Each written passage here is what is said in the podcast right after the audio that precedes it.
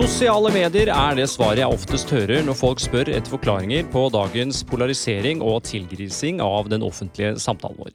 Men i mellomkrigstiden, lenge før sosiale medier, var landet såpass politisk splitta at flere rusta seg for væpna konflikt, mens de mediene fløt over av skjellsord og rasistiske ytringer. Hvor kom dette fra?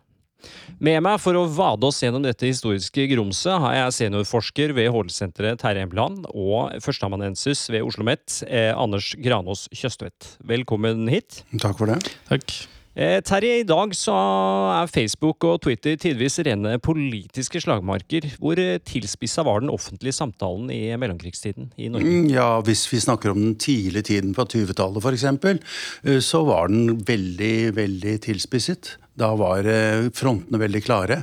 Eh, det var snakk om væpnet revolusjon på den ene siden, og det snakket om eh, at man måtte avskaffe demokratiet på høyresiden med et statskupp, eller ville ha en sterk, myndig regjering over partiene. Parlamentarismen måtte avskaffes. Så det var ytterpunkter som var veldig polariserte. Og det skyldtes selvfølgelig fordi at de sosiale motsetningene i samfunnet var veldig skarpe. Man ville rett og slett den eh, rene statsformen, altså demokratiet, til livs på ja, men, to forskjellige måter? Ja, altså, man hadde jo en arbeiderbevegelse som var veldig radikalisert eh, etter krisene som kom på, som følge av første verdenskrig. Vi ble også rammet av kriser, selv om vi ikke var deltakende part i første verdenskrig. Bankkrise, økonomisk krise osv. Og, så og det radikaliserte jo arbeiderbevegelsen. Eh, og Norske Arbeiderparti sluttet seg jo etter hvert til Komintern, Kommunistisk Internasjonalen, og hadde da væpnet revolusjon og et sosialistisk eh, samfunn på programmet. Og på høyresiden så var det jo en slags høyreaktivisme, kan man si, som, som eh, i økende grad mente at parlamentarismen ikke kunne løse problemene, man måtte ha en myndig regjering over partiene. Eller til og med avskaffe hele det parlamentariske demokratiet og få en variant av diktaturfascisme. En fører var det man en fører, ja. Eh, ønsket? Ja. Så det var slike sterke strømninger på begge sider. Man hadde jo til og med et forsøk på en slags statskupp på forsiden av Tidens Tegn, som var den viktigste avisen for den høyreaktivismen, hvor man eh, proklamerte en samlingsregjering under Nansen, eh, som skulle liksom ta over styringen av landet og bli kvitt arbeiderbevegelsens og ordne opp i finansen osv. Problemet var at man hadde ikke spurt Nansen om han ville stille seg i spissen for denne regjeringen. Hvordan kom dette til uttrykk i, i, det offentlige ordskiftet? Var det mye sjikane og drittslenging og personangrep og sånn? Ja, det var jo uh, voldsomt. Uh, retorikken var jo veldig, veldig opphetet, kan man si. Uh, både fra høyresiden og venstresiden. Nå vet vi jo at Arbeiderpartiet kanskje ikke var så revolusjonært i, i praksis som, uh, som, man fikk inntrykk av, men retorikken var rødglødende og revolusjonær. Og særlig etter at Arbeiderpartiet brøt uh, med Komintern og man fikk et kommunistparti, så var, kappes man jo om å beholde den revolusjonære retorikken. Og på borgerlig side så var det jo også uh, en veldig sterk angst for revolusjon, og det var jo ikke helt, det var liksom, det var jo ikke helt uforståelig, da, siden man hadde hatt revolusjonsforsøk i Tyskland, man hadde hatt en bitter og veldig blodig borgerkrig i nabolandet Finland mellom de røde og de hvite osv. Så, så man, man fryktet jo, i hvert fall i tidlig på 20-tallet at denne revolusjonsbølgen skulle nå Norge også. Og man var da veldig opptatt av å slå ned på arbeiderbevegelsen. Man ønsket for, forby kommunistene.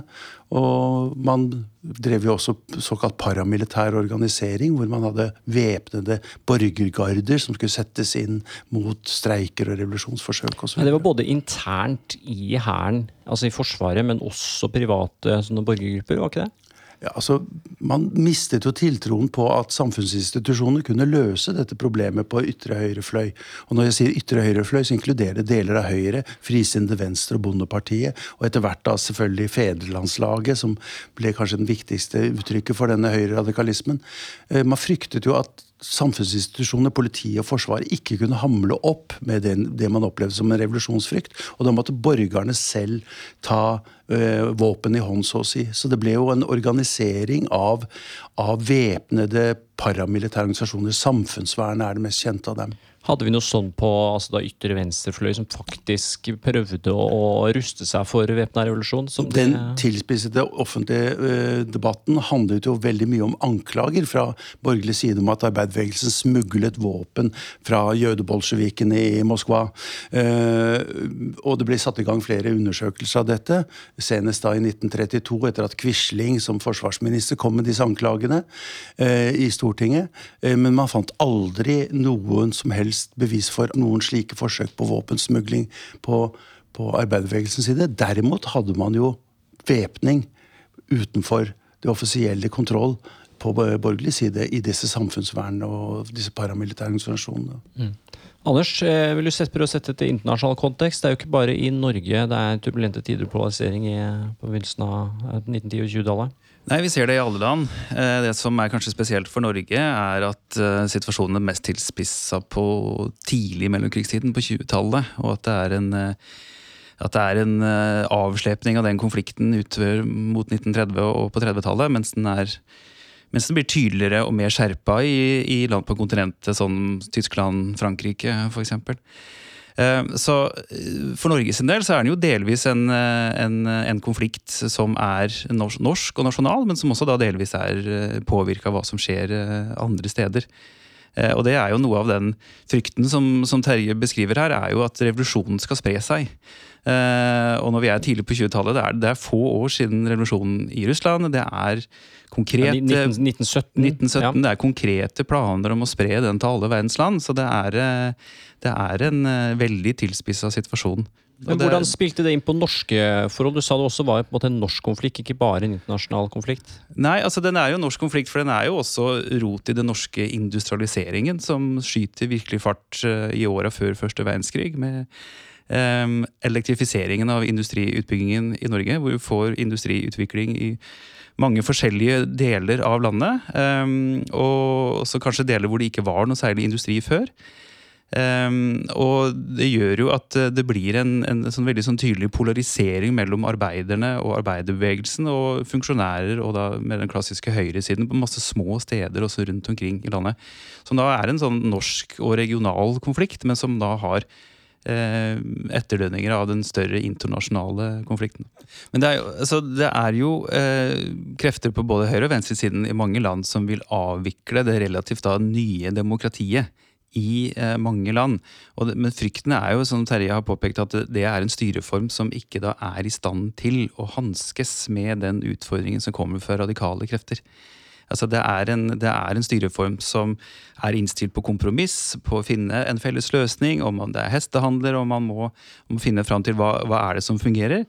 Eh, og at den er for tam og ikke, og ikke, sterk nok til å stå imot en, en, en radikal trussel. At den eneste måten å møte den revolusjonære venstresiden er å samle krefter i få hender. Men nå fokuserer vi selvfølgelig på den polariseringen. Vi må ikke glemme at Norge, som det Anders sier, er veldig annerledes enn f.eks. Tyskland. Altså Vi har en uh, ung nasjon uh, hvor, hvor, den skal vi si, nasjonale revolusjonen som vi fikk i 1905, var på mange måter båret opp av liberale uh, verdier. Slik at gjennom hele den perioden, også i den mest polariserte perioden i mellomkrigstiden, så finnes det også et, et skal vi si, politisk sentrum, en slags konsensusforestilling i det norske samfunnet. Eh, på tross av denne revolusjonære og, og, og kontrarevolusjonære og fascistiske retorikken. Så, så, så, på en måte tikker og går det, demokratiet eh, fortsatt. Jeg sa dere skulle hjelpe oss å vade gjennom dette historiske grumset. Hvilke eksempler har vi på ytringer som eh, ville sjokkert moderne lyttere? altså Fordommer mot jøder var utbredt i pressen. Eh, men jeg vil si at karakteren av dem er like radikal i dag. hvis man går til, Vi hadde en liksom, antisemittisk presse, en marginal presse, som, som, hvor ytringene er eh, ekstreme, sånn som vi har i dagens nynazistiske presseorganer. Og så hadde man generelle fordommer mot jøder. Man hadde forestillingen om at, at jødene sto bak revolusjonsforsøkene, jødene sto bak bolsjevismen og sånn. Dette var ting som, som var utbredt i norsk presse men på en måte så er styrken i de ytringene den gangen og styrken i ytring i dag, bl.a. mot muslimer i en god del presseorganer og i offentligheten i dag, egentlig ikke så veldig forskjellig. Så Sånn sett så vil jeg ikke si at, at ytringen i dag er mindre radikale og ytterliggående enn den gangen. Det er klart Man finner jo alskens grums hvis man graver dypt nok på internett. Eh, Mm. Men var dette, kom dette grums til uttrykk i det som ville vært mer ordinære, stuereine medier? Eller var det marginale, rare blader? Her, her må man skille mellom også liksom første del av mellomkrigstiden og, og utover på 30-tallet.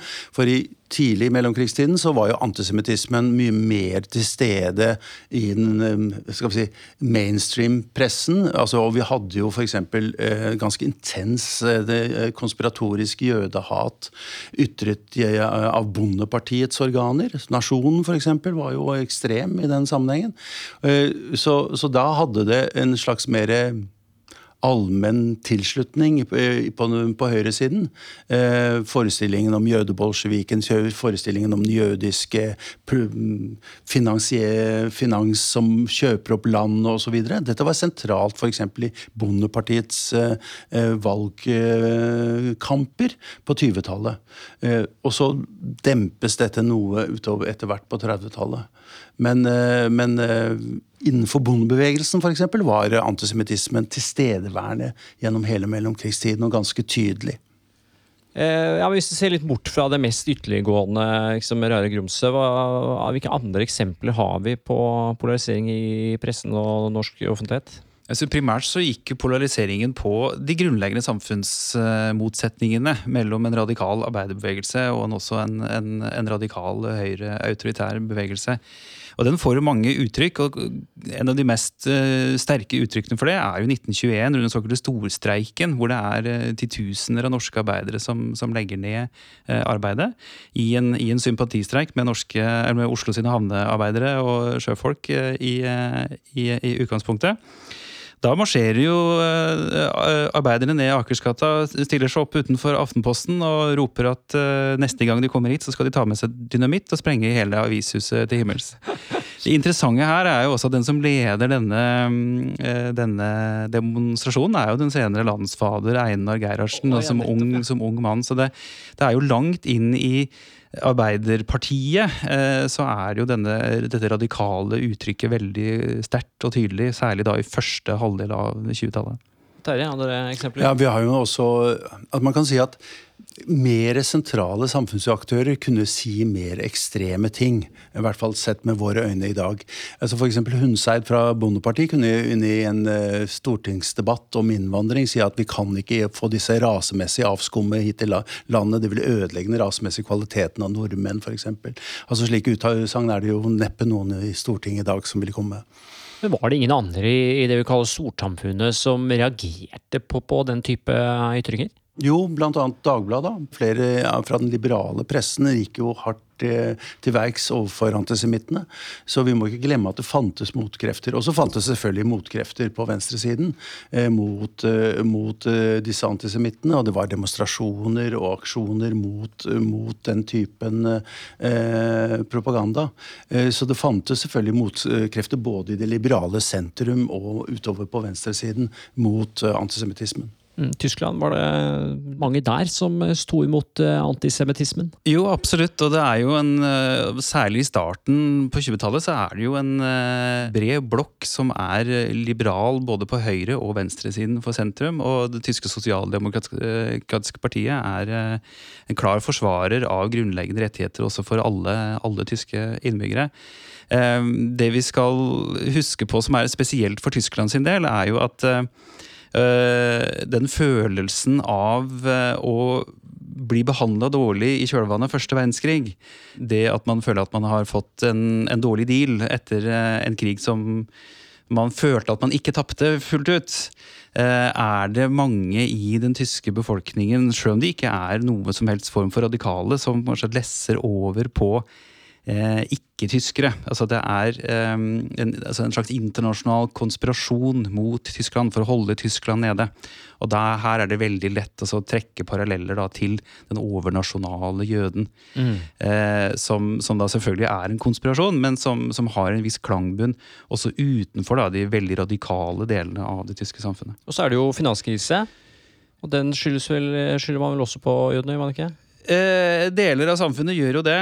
Eh, den store krisen som kommer etter krakket på New York-børsen eh, eh, i 1929, er en, eh, er en krise som rammer Tyskland ekstra hardt fordi tysk økonomi er så tett forbundet med den amerikanske. Eh, store oppsvinget i Tyskland på slutten av 20-tallet er stort sett finansiert med amerikanske lån. Så da blir krisen så brå og såpass omfattende. Mm. Eh, og det at man eh, knytter dette til eh, internasjonale strømninger og de krigsskadeerstatningene som Tyskland betaler da, til oss eh, andre makter og til internasjonale banker, det er en, en, relativt stor nedslag for at dette kan kobles da til eh, jøder som ikke som vi nå har omtalt som jødebolsjeviker primært, men som også da knyttes til kapitalismen. Og det er jo klart også en antikapitalistisk strømning bak antisemittismen i Tyskland. Hvorfor kalte du både bolsjevikere og kapitalister, egentlig? Er ikke det motsetning? Jo, det er jo noe av det som er litt store forklaringspotensialet da, i denne konspirasjonsteorien. er jo At jødene kobles både til eh, internasjonale finanskapitalismen i New York og Washington, men også da til kommunismen i Sovjetunionen. Altså er, det er bare masker da, som eh, jødene har ikledd seg. Terje? Denne konspirasjonsforestillingen her er også utbredt i Norge. Men problemet her i Norge var jo selvfølgelig at vi hadde en så liten og synlig jødisk minoritet at det var vanskelig å opprettholde en slags sånn konspirasjonsforestilling om de norske jødene. Så på den måten så blir jo denne antisemittismen først og fremst kommer til uttrykk gjennom at jødene er en ytre trussel. altså De representerer den internasjonale spekulasjons- og finanskapital. Den representerer den internasjonale bolsjevismen, som trenger seg inn i landet og ødelegger. Og Hvis man skulle øh, opprettholde forestillingen om en jødisk sammensvergelse i Norge, så måtte det være gjennom stråmenn. Og da er det selvfølgelig de sentrale aktørene innenfor arbeiderbevegelsen er jo kjøpt og betalt av jødene, men man hadde også da frimurerne, som egentlig var kunstige jøder, som, som styrte altså som, som, som, tjente jødenes interesser. Illuminati? ja, hele den klassiske ja. konspirasjonsforestillingen, særlig om frimurerne. Og, og uh, dette er måten å opprettholde forestillingen om at jødene faktisk kontrollerer Norge, på tross av at de var under 2000 jøder i Norge. Uh, at man har disse stråmennene. Og så er det selvfølgelig det at, man, at påvirkningen ikke er bare gjennom den konkrete jøder, men gjennom det man snakket om den jødiske ånd. Altså alt som var moderne. Moderne kunst, seksualopplysning, filmer. Alt dette her er resultatet av en bevisst sammensvergelse fra jødene for å ødelegge norsk kultur og, og norsk eh, religion og, og, norsk nasjonalitet. Så, så, konspirasjonsteoriene kunne leve også i Norge, helt, helt uavhengig av eh, hvor mange jøder det var i Norge. Men Var ikke det liksom trekk i tiden at man generelt, altså, litt sånn uavhengig av øynene, tenkte at ulike folkeslag, ulike grupper hadde ulike karakter, ulik ånd, om du vil? Tenkte man ikke litt om seg selv og litt om uh, alle? Jo, Raseteoriene var jo altså Eksistensen av raser og hierarkiseringen av rasene, som vi kan kalle rasisme, da, den var jo selvfølgelig relativt utbredt, den forestillingen. Men, men det var jo allikevel en minoritet som sa at raseforskjellene var den måten man skulle forstå og fortolke historien og samfunnet på. Altså Hvor det blir selve fortolkningsnøkkelen. Det var en radikal eh, minoritet i det norske samfunnet, tross alt. Selv om man hadde disse utbredte forestillingene om at det eksisterte raser med forskjellige karakterer, så, så ble rasismen som livssyn eh, på en måte, og virkelighetsforståelse, eh, det er noe som er, tross alt er forbeholdt en minoritet i det norske samfunnet. Mm.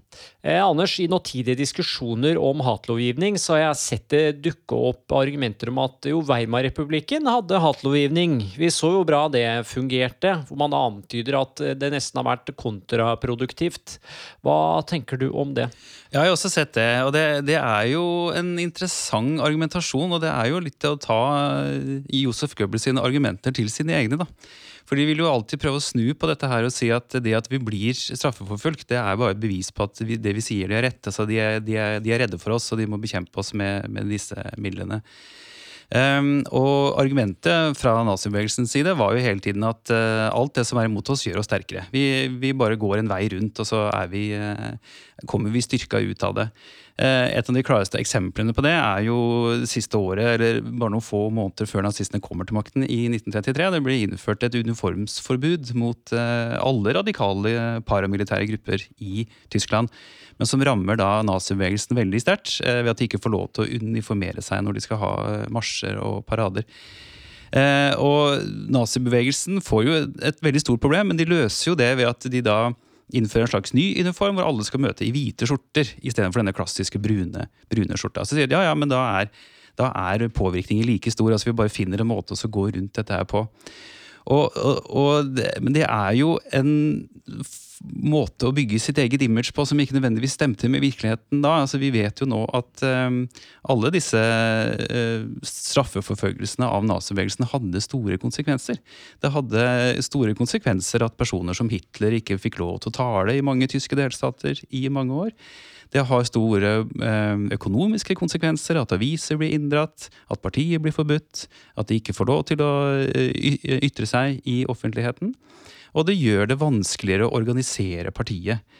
Eh, så jeg vil jo ikke si det sånn at det er eh, tilstedeværelsen av lovgivning mot hatretorikk i Weimar-blikket måtte bidro til nazismens framvekst eh, og endelig seier i Tyskland. Det er jo heller mangelen på en, en streng håndheving av denne lovgivningen, særlig de to-tre siste årene før den nazistiske maktovertakelsen, som var problemet. Så det var ikke sånn at eh, for Goebbelsen eller sånn, det at han ble da kunne eh, pårope seg bli forsøkt kneplet av staten, at det gjorde han ga han slags sånn martyrstempel og ga de vind i seila sånn sett? Eh, hos en, en, en, viss andel av befolkningen så har det en viss appell. Det er helt åpenbart at det gjør det. Eh, fordi altså, mye mye av nazismens politiske uttrykk i, eh, i Weimar-replikken er jo kritikk av Versailles-traktaten, eh, kritikk av den eh, internasjonale eh, sanksjonene som Tyskland er pålagt, og det er det jo eh, en viss eh, oppslutning om i befolkningen, også utenfor nazibevegelsen.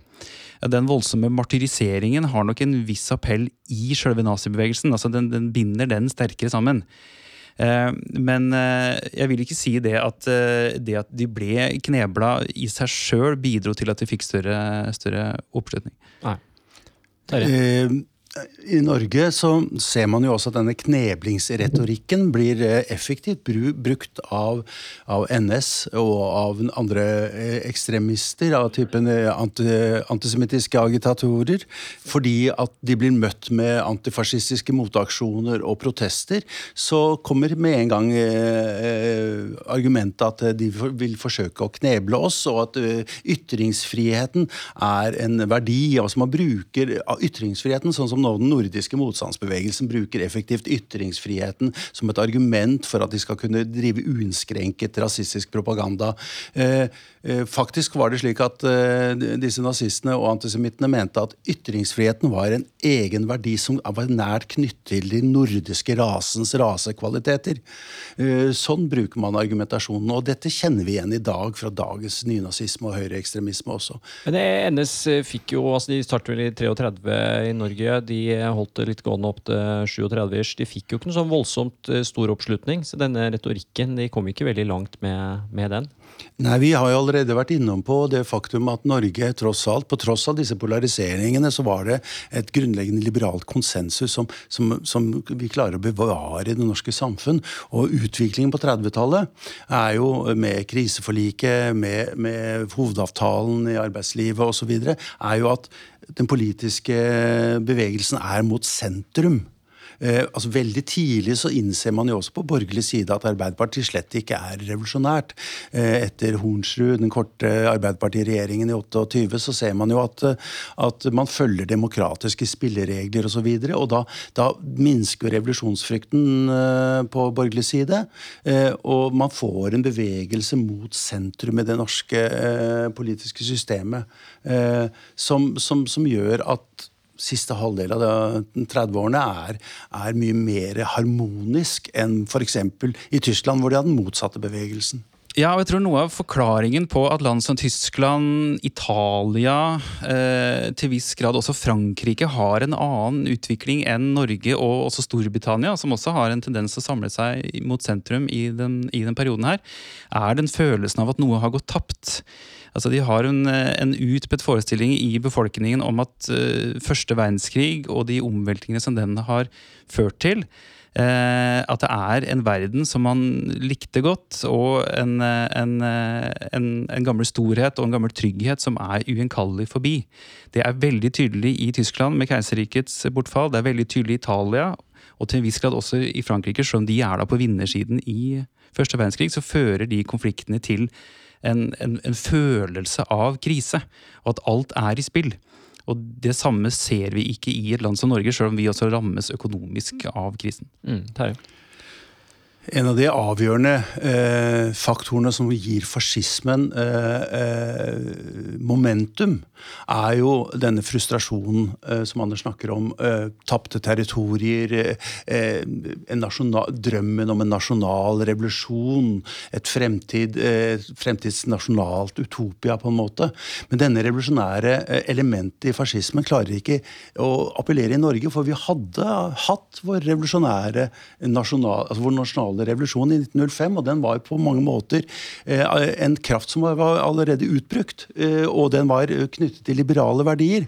slik at fascismen hadde ikke det politiske rommet i Norge på å, å spille på denne såretheten etter første verdenskrig og, og disse territorielle drømmene og denne drømmen om en ny nasjonal gjenoppvåkning osv. Ja, mye av forklaringen på eh, den konsensusorienteringen på slutten av mellomkrigstiden i Norge er jo eh, Må vi også se lenger tilbake i tid, tilbake til 1800-tallet, altså hvor da både bevegelsen og kampen for større nasjonal selvråderett og større nasjonal eh, hevdelse i Norge er en parallell til kampen for mer folkestyre.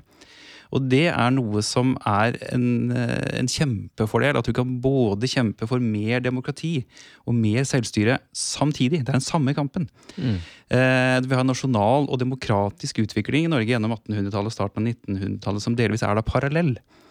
Eh, mens i andre land, særlig på kontinentet, men også i et land som Sverige, så er jo den nasjonale kampen, altså det å heve den svenske nasjonalismen, er jo da det motsatte. altså Den er gjerne ikke-demokratisk og er et mye større elitefenomen. og skal gjenreise en svensk storhet som har, som har, blitt borte. Så det at man i lang tid i Norge har, eh, har kunnet kjempe for større kontroll og selvråderett og mer folkestyre, flere skal delta i det politiske liv, det er en kjempestor fordel som man også høster fruktene av utover på 1900-tallet.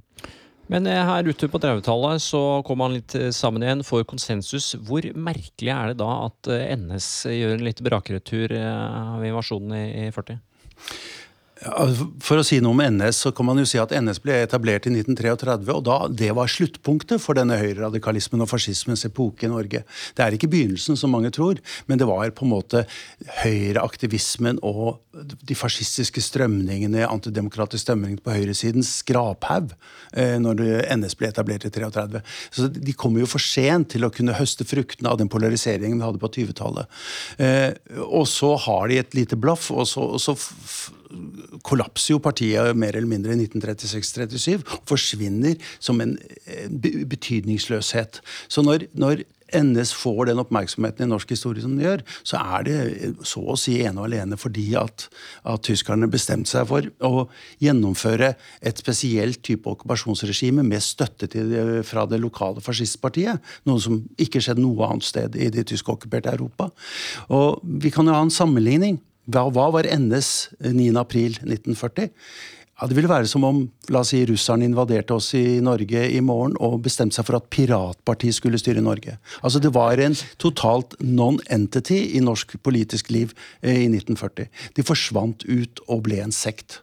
Det sier jo litt om absurditeten at også eh, de som skulle da sitte i denne regjeringen, også avviste Eller flere, flere av de som var ment å sitte i denne første Quisling-regjeringen, avviste dette som helt uh, håpløst. Så det det sier litt om hvor langt på yttersiden Quisling kom inn igjen i 1940. Eh, helt avslutningsvis her, hvordan bør vi forstå sammenhengen mellom politisk polarisering og dette hatet mot eh, etniske minoriteter i denne perioden? Ja, det er eh, Jeg tror nok vi kan forstå det på flere måter. Men altså, i, for en av de ytterliggående sidene så er jo kampen mot jødene en av de, de viktigste sakene. Så, så, polariseringen er jo med oss og styrker dette fram.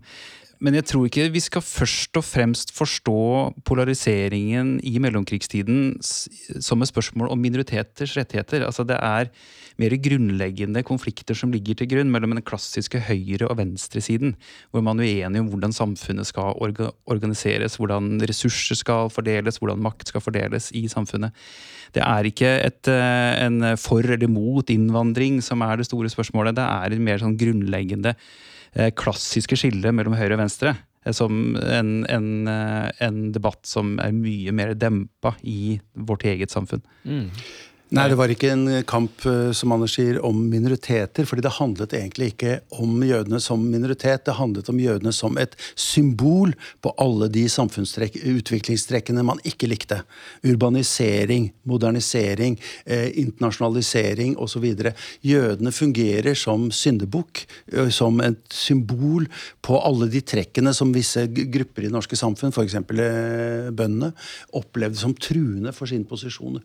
Så, så, så antisemittismen bunner egentlig ikke i konflikt, primært i konflikten mot norske jøder, men mot moderniteten som sådan, som jødene blir et symbol på.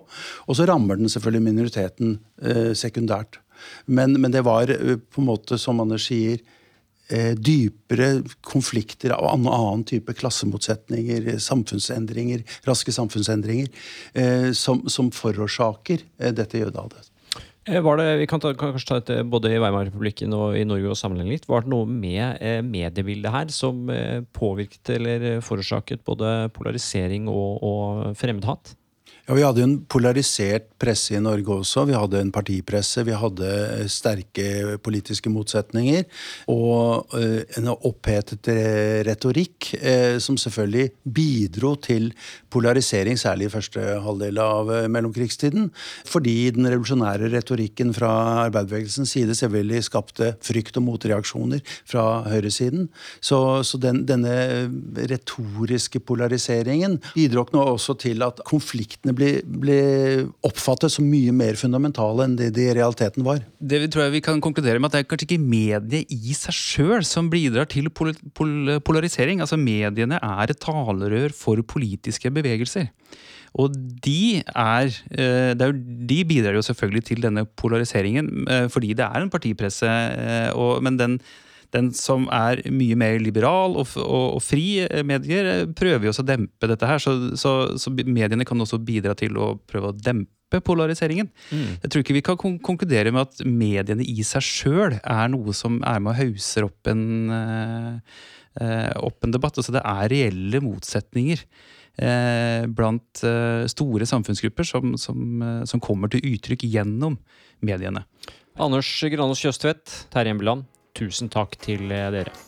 Du lyttet til serien Medienes stemmer og maktens sensur, produsert av Norgeshistorie ved Universitetet i Oslo. Mitt navn er Anders Brenna, og ansvarlig for denne serien er Ellen Katrine.